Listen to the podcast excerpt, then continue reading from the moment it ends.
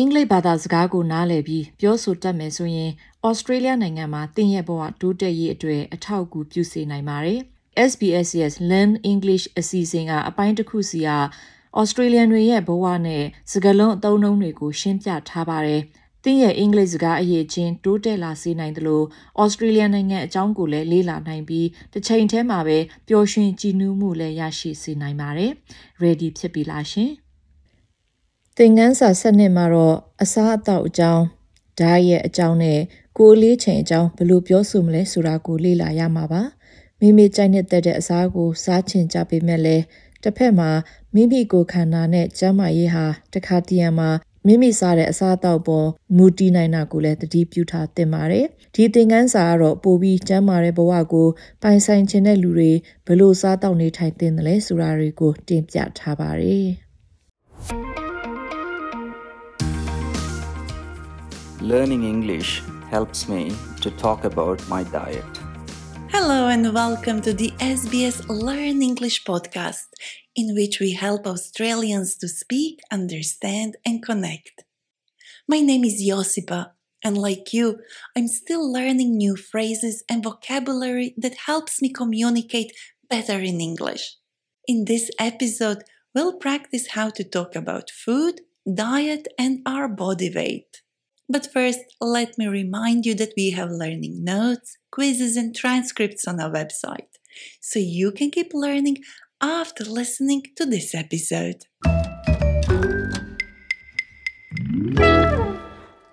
An English language proverb says that an apple a day keeps the doctor away.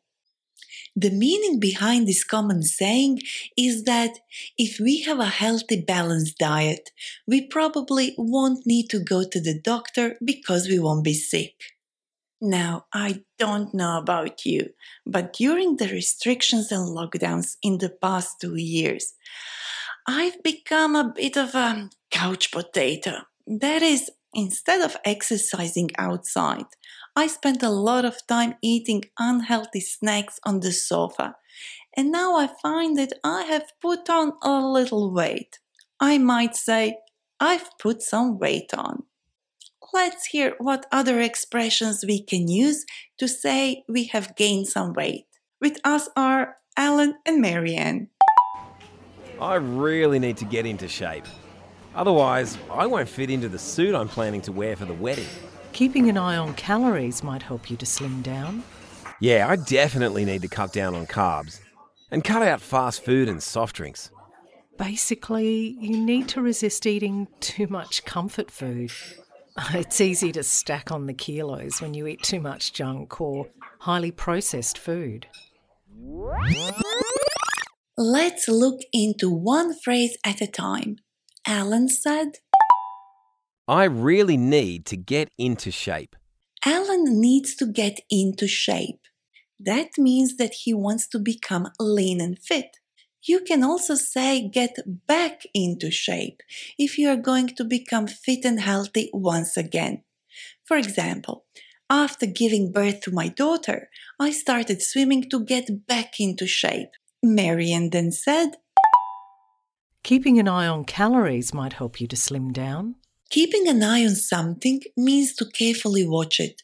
You can use this for something like calories, which is a measurement of energy in food, or people. For example, you might say to your child, Don't be naughty, I'm keeping an eye on you.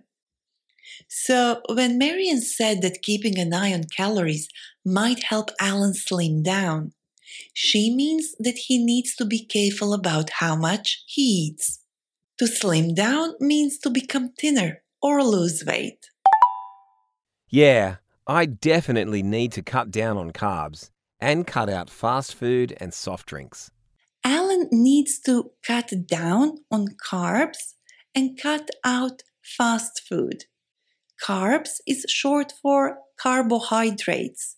And if you need to cut down on carbs, you need to reduce them meaning you need to eat less food that has a lot of carbs, such as bread, pasta, potato, cookies, corn, and so on. Alan also wants to cut out fast food and soft drinks. If you cut something out from your diet, you stop eating or drinking it completely. At the end, Marian said, Basically, you need to resist eating too much comfort food. It's easy to stack on the kilos when you eat too much junk or highly processed food. Comfort food is the type of food that makes us feel comfortable. We often want to eat it when we are sad or worried.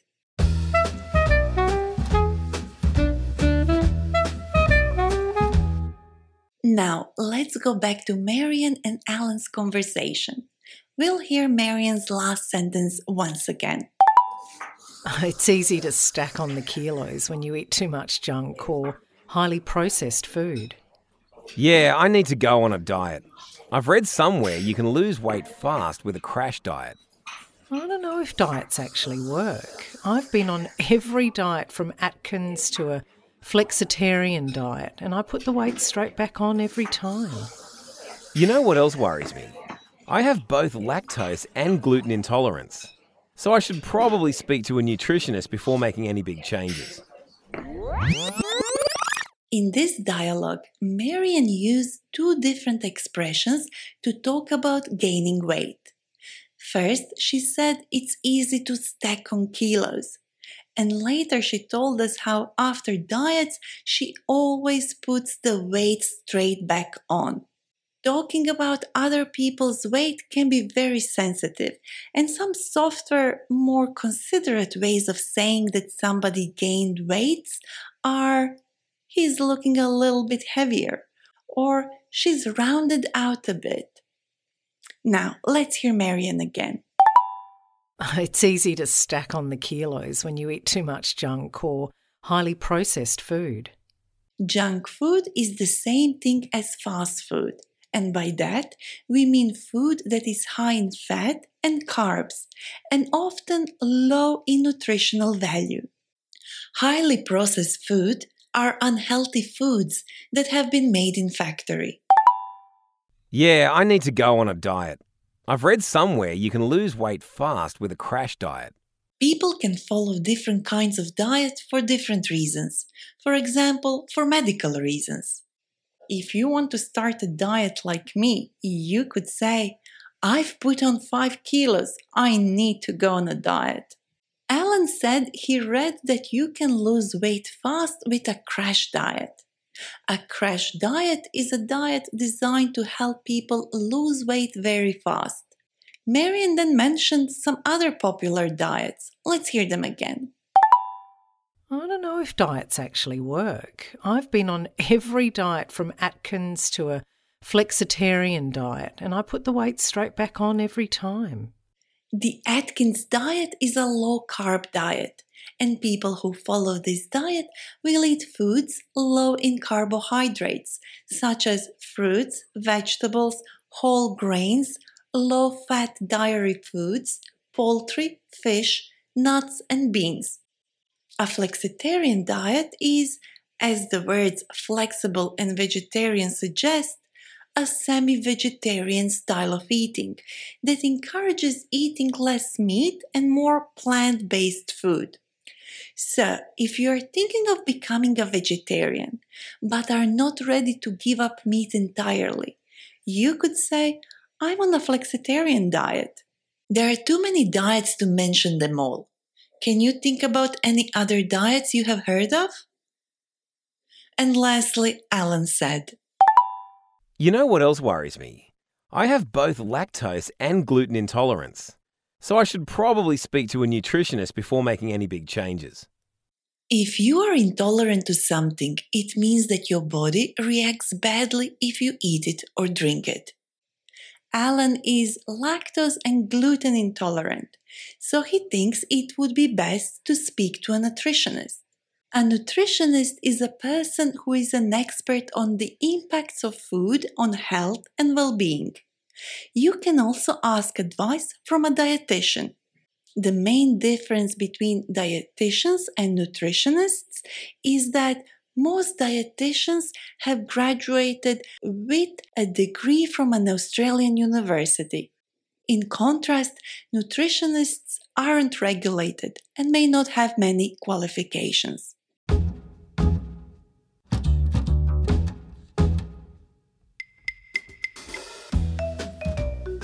My guest today is my colleague Nikki Alfonso Gregorio, who, among other things, is a lifestyle and food writer for SBS Food. Hi, Nikki, it's nice to have you here. Hi, Josipa. Did you know that the word diet originates from the Greek word dieta, which literally means manner of living? I didn't know that. That's very cool. Nikki, there is so much advice out there when it comes to weight loss magazines, podcasts, and websites all promise that the latest popular diet will help you lose all the weight you want. How much can we trust food writers like yourself? well, we all know that we shouldn't believe everything we read. But jokes aside, I think it's fantastic that we have so much information out there so that people can make an informed decision. Because there's no one diet or weight loss plan that fits everyone?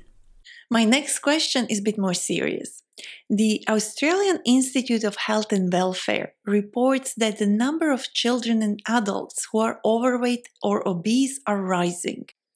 According to their latest findings, over 25% of Australian children and adolescents are overweight or obese. And according to the Global Obesity Observatory, Australia is the 19th most obese country in the world. Is this problem becoming a major public health issue in Australia? Yes, it is. If you're obese, this can have a negative impact on someone's entire quality of life. Heart disease, sleep, mood, energy can all be affected so it's a big problem for Australia. Yes, but getting help from a nutritionist or dietitian can be pretty expensive. Are there any free services that can help us to choose the right diet for us and our children? Yes, there are plenty of free resources out there. For example, Get Healthy NSW is a free phone based coaching service or platform. Then we have Live Lighter which offers a range of tools and calculators to help people make the changes they need to stay healthy. Health Translations Victoria is another useful resource. It has fact sheets on obesity in Arabic, Chinese, Tagalog, and Vietnamese for people who want to read in their first language. Thanks, Nikki. We'll add links to these services on our website. My pleasure, Josipa. Before we say goodbye, let's revisit some expressions we practiced today. See if you can answer these questions before hearing the answers. What is a couch potato?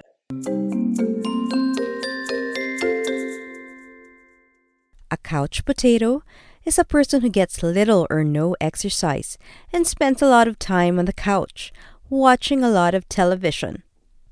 What does keeping an eye on someone or something means?